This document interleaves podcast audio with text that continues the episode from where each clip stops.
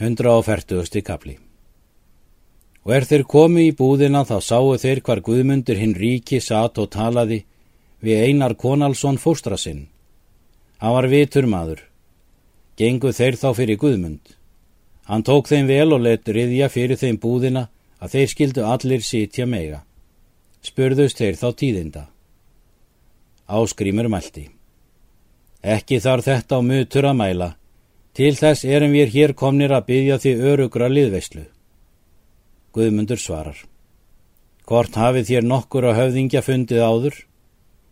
Þeir svöru að þeir hefðu fundið skafta Þórótsson og snorra goða og sögðu honum alltaf hljóði hversu kvorum þeirra fór. Þá mælti Guðmundur.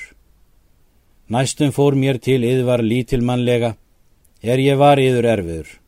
Skal ég nú því skemur draga fyrir yður, er þá var ég torsóttari og skal ég nú ganga til dóma með yður með alla þingmenn mína og veita yður um allt á þingi þessu og berjast með yður, þó að þess þurfi við og leggja mitt líf við yðvart líf.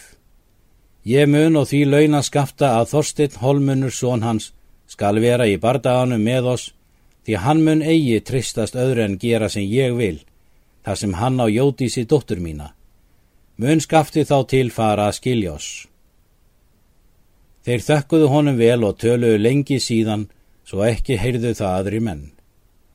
Guðmundur bað þá ekki ganga fyrir knið fleirum höfðingjum, hvaðan það vera lítilmannlegt, og munum við nú áhætta með þetta lið sem nú höfum við.